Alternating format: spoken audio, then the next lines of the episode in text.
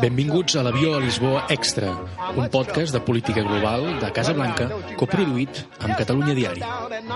Aquest és un programa per analitzar les relacions internacionals fet a Catalunya, sense sectarismes ideològics i des d'una posició centrista, oberta i lliure. Benvinguts. Who's unlucky?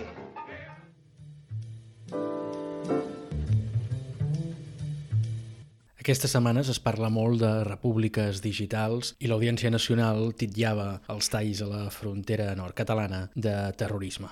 M'he volgut interessar per tot aquest món de les guerres al ciberespai, quina història tenen, des de quan existeixen i quin futur espera aquestes noves guerres o guerres híbrides en què s'acompanyaran les operacions militars habituals amb cada vegada atacs més sofisticats per part de hackers a qualsevol punta del món.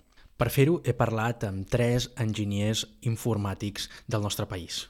El primer és en Marc Rivero, que és director del màster de ciberseguretat de la SAIE, Universitat Ramon Llull.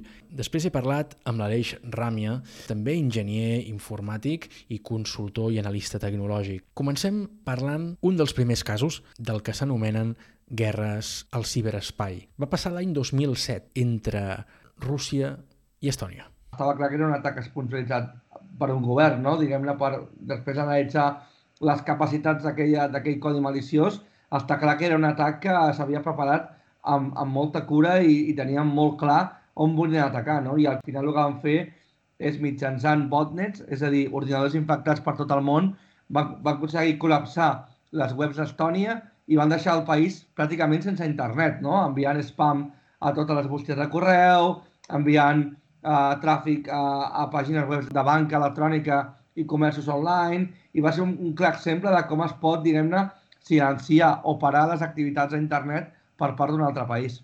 Què va passar exactament? Doncs que 16 anys després de la caiguda del règim de la Unió Soviètica i, per tant, 16 anys després de la independència de la República Bàltica, les autoritats de Tallinn van decidir retirar d'un parc al centre de la ciutat l'estàtua del soldat de bronze, una reminiscència de l'era soviètica. Doncs bé, la represàlia no es va fer esperar i durant tres setmanes sectors claus de l'economia i institucionals, com pàgines web del govern, van quedar absolutament inutilitzades. Va ser justament aquesta jove democràcia que havia aprofitat la independència per fer un model de societat més modern, amb uns sectors públics i privats altament digitalitzats, els que van aprendre que l'eterna amenaça russa ara es podia obrir i atacar-los per nous flancs. Llavors, això va ser un clar exemple de com, diguem es pot parar un país i com Estònia, eh, com si fos un ave fènix, va, ha ressorgit de, va, va ressorgir d'aquell atac i ha creat aquell centre d'excel·lència que, tenen, que tenen ara. Diuen que el que no mata engreixa. Doncs sí, des del 2008, Tallinn acull el Centre d'Excel·lència Cooperatiu de Ciberdefensa, en què participen 22 estats europeus i que coordina la cooperació europea en la matèria i fa simulacres de defensa cibernètica. És una, diguem un acord marc entre diferents països i el que fan és ensenyar a la gent tecnologia, no? ensenyar ciberseguretat. Jo crec que el que busquen és poder formar la gent per defensar el país en cas que tinguin un atac. De fet, els caps de setmana fan pràctiques, en els caps de setmana fan mm, preparació, a gent que treballa en l'àmbit privat. Això és una cosa molt maca. Vull dir, tens uh, gent que són experts, que tenen la seva vida i que poden guanyar-se la seva vida en l'àmbit privat i, per tant, a més, aprenen molt més que el que podien en l'àmbit públic i, a més a més, els tens preparats per si a cas pogués passar una, una emergència d'aquest tipus, els poden cridar i es posen sota les ordres de l'exèrcit per poder eh, defensar-se en cas d'una ciberguerra. Aquí sembla que hi hagi una paradoxa. Els països, com més moderns, com més es digitalitzen, com més es preparen pel futur, a la vegada més dèbils són davant d'aquestes noves amenaces. Eh, primer, cal tenir molt clar que és un ciberatac, perquè de fet molts cops podem parlar de ciberatacs molt, molt greus en els quals no estigui involucrat directament un estat directament darrere, ni amb qui l'envia ni amb qui el rep. O sigui, parlem de ciberatac simplement a l'atac que un grup, entitat o país pugui fer tecnològicament a un particular empresa o país. Vaig a fer crec de cunyat ara i a dir què passa actualment o per què estem parlant d'això. I és que realment estem en un moment en què tot passa per la digitalització de la informació i de les actuacions que fem. És a dir, que tota actuació que fas les empreses, tant com els estats, eh, tant la informació que hi ha darrere com el com executen les seves accions ha estat digitalitzat. Per tant, és fàcilment accessible des d'un altre ordinador, per través d'internet, etc etc. Una cosa que fins ara no havia passat.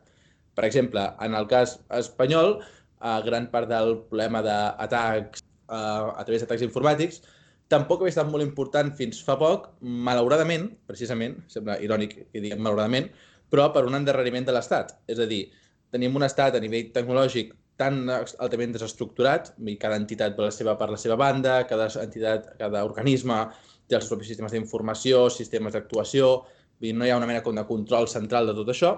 Per tant, és cert que fins ara, com que tot era encara molt manual, diguem, per això realment no tenim aquesta afegit perill, com per exemple sí que altres estats molt més avançats eh, sí que tenien.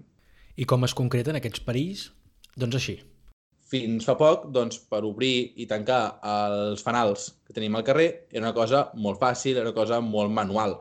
A la moment que nosaltres comencem a aplicar tecnologia, comencem a posar smart lining, comencem a fer que els fanals els podem obrir remotament, que tot sigui digitalitzat, perfectament a la que algú es pogués entrar o pogués entrar en aquesta base de, de l'actuació de la, la llum pública, podria apagar totes les llums de Barcelona en només un clic. Vull dir, això un dia potser, però això una setmana començaria a tenir uns greus problemes de convivència al carrer. A Barcelona encara potser podríem aguantar-ho, però, bueno, però sí que seria un, molt problemàtica, una cosa tan, tan, tan xorra, que fins fa poc no ens plantejàvem. Doncs la realitat és que de xorra no en té res, i de fet els ucraïnesos ho saben bé. En el marc del seu conflicte amb Rússia, el 2015, de fet un 23 de desembre de 2015, a través del programari maliciós rus Black Energy, 30 subestacions elèctriques van ser desconnectades i això va deixar sense electricitat a més de 225.000 persones i també a la gran empresa ferroviària de la regió. En Marc Rivero feia aquesta puntualització. Bueno, evidentment, el que es diu la superfície d'atac, és a dir, per on et poden atacar, evidentment, quan més evolucionem, més superfície tenim perquè tenim més, més dispositius connectats a internet.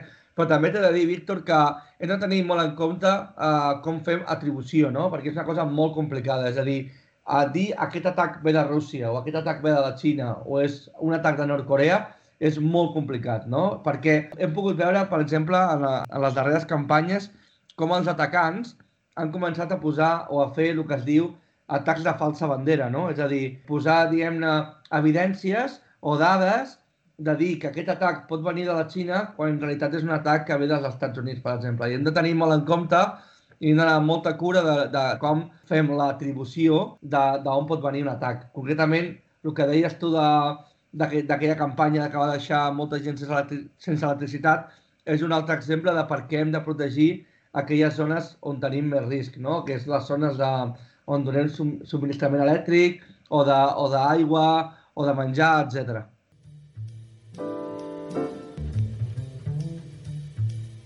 Generalment val a dir que tots aquests casos, com parlàvem de ja aquesta, aquesta digitalització de tots els serveis, que per això els posa en perill, però evidentment, així com els digitalitzem, també generalment, o almenys a la majoria de casos, també es pot digitalitzar d'una forma relativament fàcil en el sentit de dir es podria de forma manual reactivar certs sistemes, certs serveis. Vale? Per tant, no es tornaria a operar amb una total normalitat en cap al 0, però sí que es podria recuperar una certa normalitat.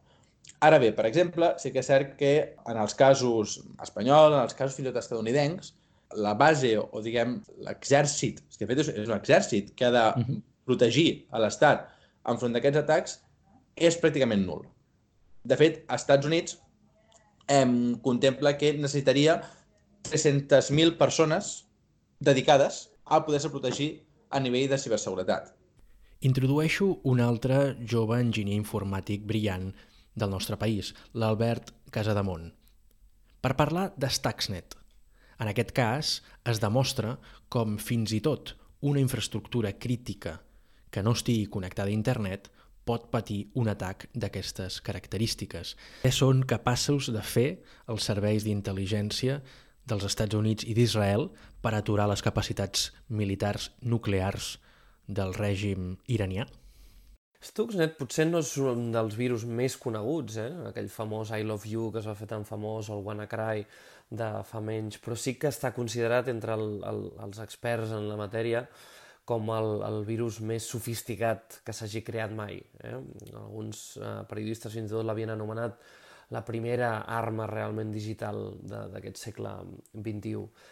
Stuxnet el, el, es coneix com un tipus de virus anomenat Cook que es, que es replica a si mateix, en principi no falta la, la intervenció d'usuaris, d'altres usuaris, i Stuxnet va ser dissenyat específicament, molt específicament, per atacar les centrifugadores d'urani, eh, per enriquir urani de l'Iran. Eh? Clar, és el que passa amb aquests virus, com que això no ha desmentit ni confirmat ningú qui el va crear, tot i que se sospita que això prové d'unitats d'elit, ciberespionatge, terrorisme electrònic eh, dels Estats Units i, i d'Israel. I el que feia aquest virus, la gràcia una mica, és que realment, clar, enteneu, les centrifugadores d'urani de l'Iran no estaven connectades directament a internet. Per tant, la forma que tenia Stuxnet de poder arribar a malmetre aquestes centrifugadores era primer infectant els ordinadors de quatre empreses que se suposava que tenien algun tipus de relació amb aquestes centrifugadores. La idea que era que instal·lant aquest virus o fent que aquest virus apagarés en aquestes empreses, els creadors dels virus assumien que tard o d'hora algun d'aquests treballadors d'aquestes empreses, amb un ordinador infectat, aniria físicament a la central, a la central d'enriquiment d'urani i llavors propagaria el virus eh, sense voler als controladors que manegaven aquestes centrifugadores d'urani. Bàsicament el virus era molt, molt, molt específic i el que feia era augmentar la freqüència de les centrifugadores a uns, uns quants hertzos més, de forma que rotessin més ràpides durant un temps, llavors esperava el virus i al cap d'uns dies feia el mateix però les feia anar més lentes. Això el que provocava era que les centrifugadores doncs, es desestabilitzessin i acabessin, bueno, acabessin malmeses. I el, el, el més gros de tot era que realment el virus, al mateix temps, anul·lava els sistemes de, de monitoratge d'aquestes centrifugadores i feia que realment des de fora no es veiés cap anomalia. Com que la velocitat a la que augmentava la centrifugadora no era molt o disminuïa, no era molt, realment era molt difícil detectar això. De fet, els esforços que es van haver de fer per, per realment entendre tot el que feia el virus doncs van ser enormes.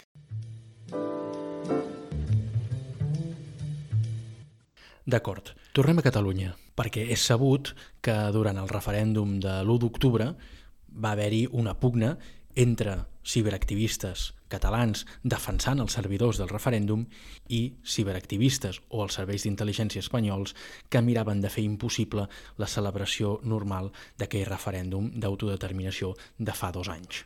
Tots aquests ciberactivistes que són capaços de defensar davant d'un atac extern tenen els mateixos coneixements per poder passar a l'atac? O és molt més complicat? També vull saber això. En gran part sí. És a dir, hi ha una part molt important en qual els coneixements bàsics, quan tu els tens de defensa, eh, també els pots tenir d'atac. Aquí hi ha dos punts extras eh, bueno, que també s'han de tenir en compte. Un és que només tinguis el coneixement en si de la tecnologia o de la forma d'atacar, sinó que també puguis tenir el coneixement del sistema que hi ha darrere. Que això ja pot ser més complicat o llavors ja sí que potser requereixen de sistemes d'espionatge més avançats o dels quals potser sí que no es té actualment la tecnologia o no es té actualment les capacitats. D'altra banda, la majoria d'aquests atacs ben fets requereixen d'una estructura important. És a dir, va molt més enllà de um, la típica pel·li d'un noi que està en un ordinador i que hackeja el Banco Central. Vale, són sistemes que van molt més enllà d'això i per això a nivell defensiu, per exemple, doncs Estònia té tot un exèrcit de gent que pot trucar per venir a defensar-se. Vale? No és un tio que pugui defensar tot això, sinó que ha tot un exèrcit que pugui defensar-ho. Doncs de forma proactiva també diguem que ens trobem en la mateixa situació. Llavors, per poder organitzar això, diguem que requereix tant d'una infraestructura com de requereix d'una organització, com d'aquesta bueno, capacitat d'aïllar-se, que això si estàs en un altre país i vols organitzar-ho, doncs és molt més fàcil que no si estàs en el propi país. Per això molts cops doncs, jo entenc que, que es pugui doncs, limitar o que no pugui haver-se donat encara el cas fins, fins a dia d'avui. No? Bé, també és un factor limitant. Ara que l'Audiència Nacional Espanyola diu voler jutjar els activistes que han tallat les carreteres a la frontera com a terroristes organitzats pel tsunami democràtic a través d'una aplicació de geolocalització, tot això inevitablement em fa pensar en el Reial Decret que, per via d'urgència, el govern espanyol en funcions ha aprovat. Un decret llei que el que fa és modificar la llei de telecomunicacions. Un decret llei que no només arriba en el mateix moment que el govern diu que el CNI està investigant qui hi ha darrere del tsunami democràtic, sinó que també fa uns anys que la Generalitat parla de construir la República Digital i un dels seus projectes és l'Identicat, que permetria una identificació eh, dels ciutadans a través de la xarxa.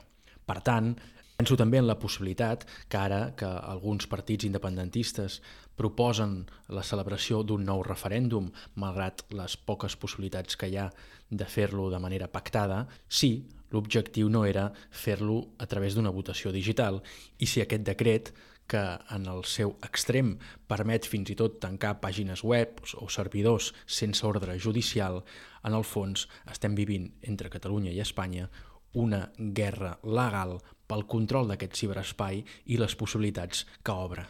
L'element principal d'aquest decret ja no va tant per un tema de defensa, perquè en el fons que et tinguis en un servidor europeu no t'està atorgant més defensa que que ho tinguis en un servidor dels Estats Units o que ho tinguis en un servidor d'un altre país, si no és per un tema de defensa. Mm -hmm.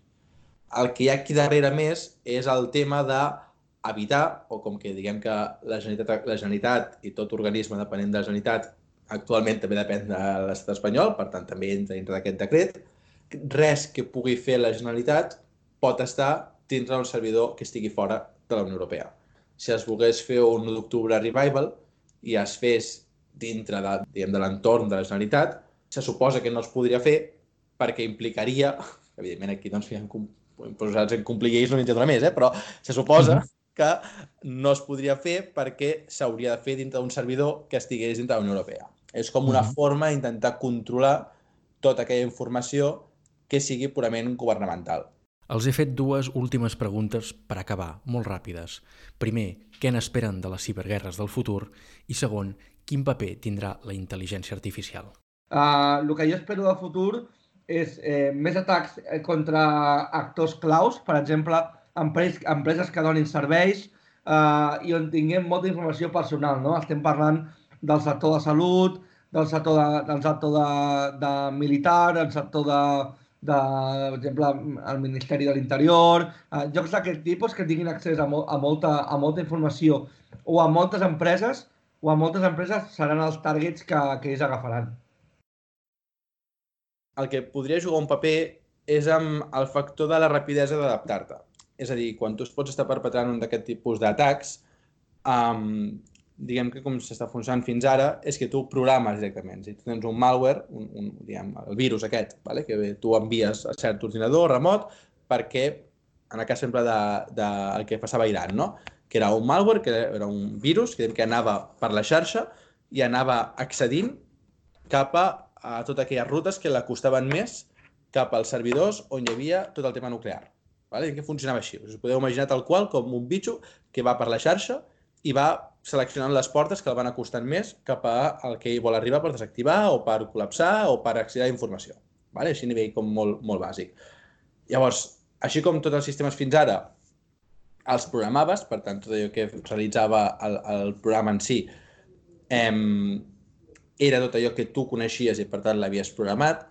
En la moment que comencéssim a aplicar intel·ligència artificial a tots aquests ciberatacs, podríem arribar a fer a software que pogués perpetrar aquests ciberatacs, que pogués anar aprenent a mesura que el fes. Per tant, que pogués aprendre què ha funcionat i què no, que pogués veure quina ruta o quina forma d'atacar ha funcionat millor o no funciona, pogués anar adaptant-se de forma contínua mentre està perpetrant aquest atac. Cosa que seria, evidentment, molt més uh, crítica, molt més perjudicial, perquè tindria molta més efectivitat i molta més capacitat de reacció del que tenim els humans, que és bàsicament pel que volem la intel·ligència artificial que tenim actualment, tal com la tenim desenvolupada actualment, eh, serveix per això. Perquè tot allò que nosaltres podríem arribar a pensar d'una forma molt més lenta, la màquina ho pot fer molt més ràpid. Doncs fins aquí el programa d'avui. Moltes gràcies per escoltar l'avió a Lisboa extra. Fins la propera. Now who's lucky? We're all lucky. Just how lucky? Very lucky. Well, smile up then, and once again, let's knock on wood.